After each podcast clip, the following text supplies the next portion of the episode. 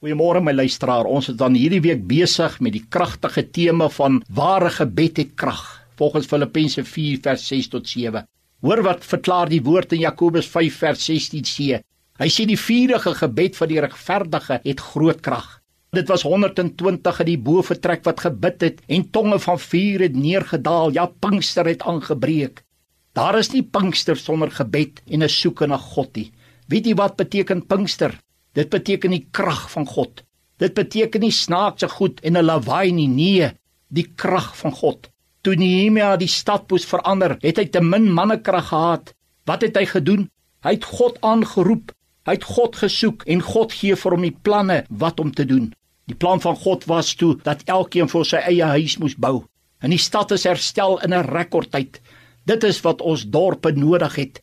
Dit is wat Suid-Afrika nodig het mag elke dorp 'n dorp word waar gebid word en God gesoek word. Neem die wapen op vir jou eie huis, jou eie dorp, jou eie land. Matteus 17:21 verklaar, maar hierdie geslag gaan nie uit behalwe deur gebed en vas nie. Matteus 21:13 sê en hy sê vir hulle daar is geskrywe my huis moet 'n huis van gebed genoem word, maar julle het dit 'n rowerspilonk gemaak. Geen gebed, geen seën. Ons sal nooit suksesvol raak vir God sonder gebed nie. Dit is deur gebed wat jy jou toekoms gaan verander.